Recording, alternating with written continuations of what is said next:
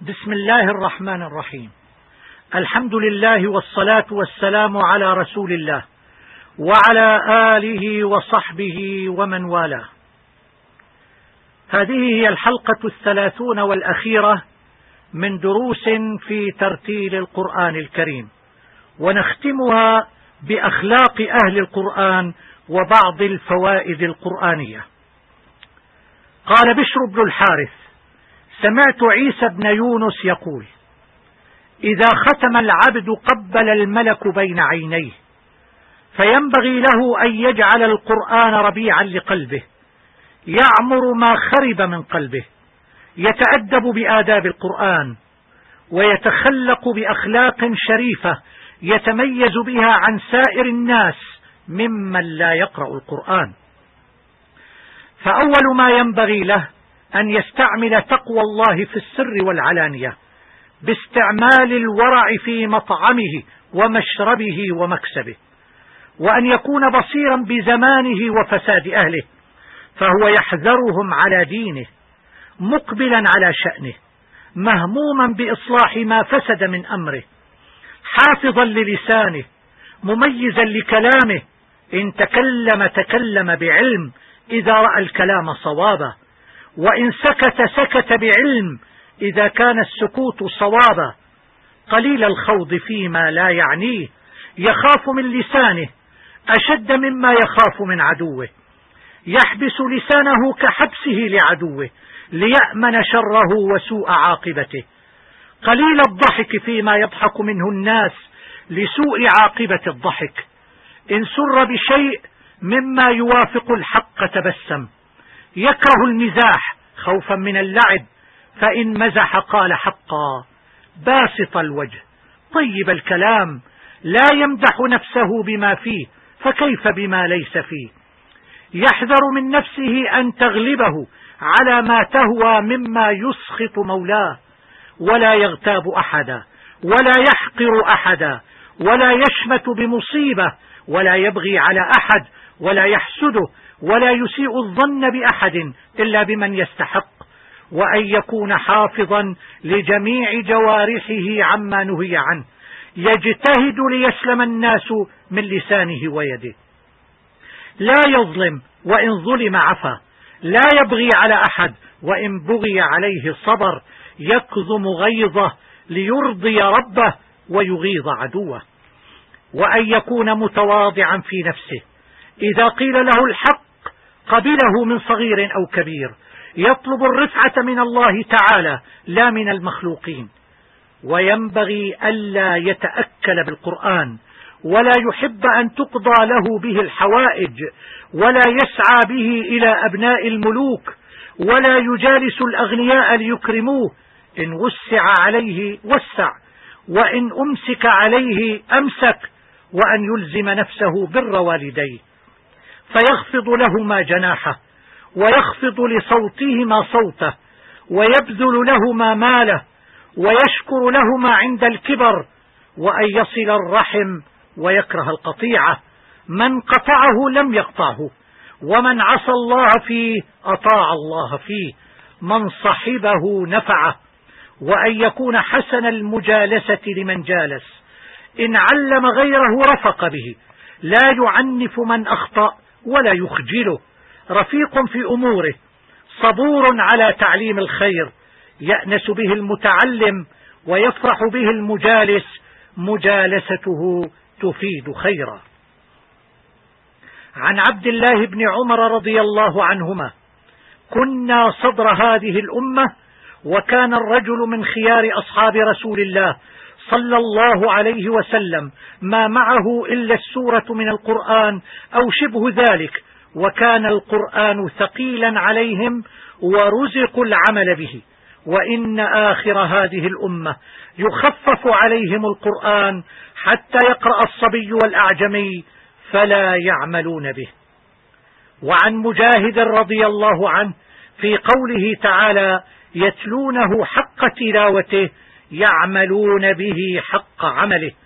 وعن عبد الله بن مسعود رضي الله عنه ينبغي لحامل القرآن أن يعرف بليله إذا الناس نائمون ونهاره إذا الناس مفطرون وبورعه إذا الناس يخلطون وبتواضعه إذا الناس يختالون وبحزنه إذا الناس يفرحون وببكائه إذا الناس يضحكون وبصمته إذا الناس يخوضون. وعن الفضيل بن عياض رحمه الله تعالى حامل القرآن حامل راية الإسلام. لا ينبغي له أن يلغو مع من يلغو ولا يسهو مع من يسهو ولا يلهو مع من يلهو. وهذا دعاء لتفريج الهم. إذا أصابك هم فادع بما ورد عن ابن مسعود رضي الله تعالى عنه عن رسول الله صلى الله عليه وسلم قال ما أصاب أحدا قط هم ولا حزن. فقال اللهم إني عبدك وابن عبدك وابن أمتك ناصيتي بيدك ماض في حكمك عدل في قضاؤك أسألك بكل اسم هو لك سميت به نفسك أو أنزلته في كتابك أو علمته أحدا من خلقك أو استأثرت به في علم الغيب عندك أن تجعل القرآن ربيع قلبي ونور صدري وجلاء حزني وذهاب همي إلا أذهب الله عز وجل همه وأبدله مكان حزنه فرحا. قالوا يا رسول الله ينبغي لنا أن نتعلم هذه الكلمات؟ قال أجل ينبغي لمن سمعهن أن يتعلمهن. فائدة قرآنية. الآية الكريمة يا أيها الذين آمنوا إذا تداينتم بدين في سورة البقرة هي أطول آية نزلت. ومع طولها لم تشتمل على حروف المعجم. لأنها نقصت الثاء والزاي والضاء.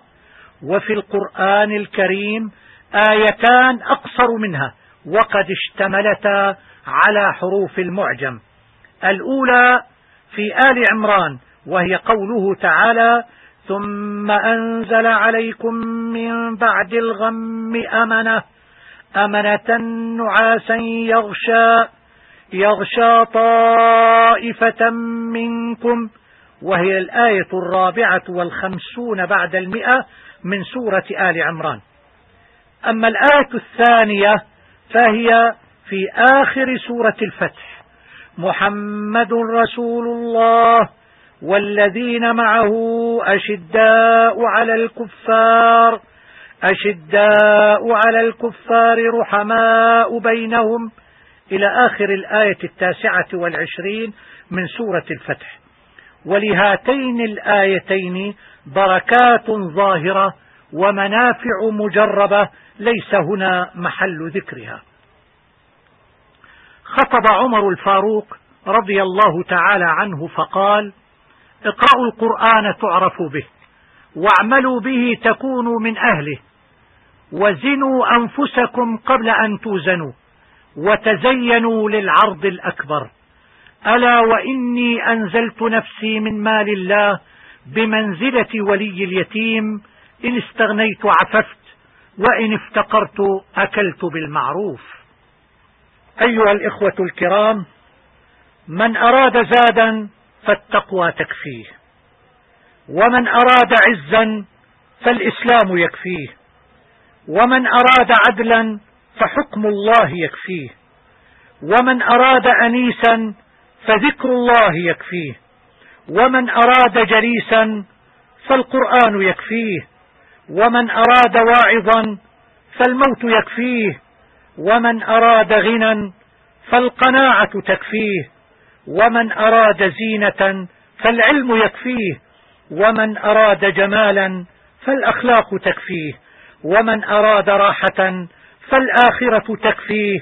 ومن لم يكفه كل هذا فالنار تكفيه نستغفر الله من قول بلا عمل ونسأل الله سبحانه وتعالى أن يجعل القرآن الكريم ربيع قلوبنا وجلاء همومنا وذهاب أحزاننا وأن يجعله شافعا ومشفعا يوم الدين وأن يرزقنا حسن تلاوته آناء الليل وأطراف النهار وأن ينفعنا به وأن يرفعنا به وأن يجعلنا في مقعد صدق عند مليك مقتدر.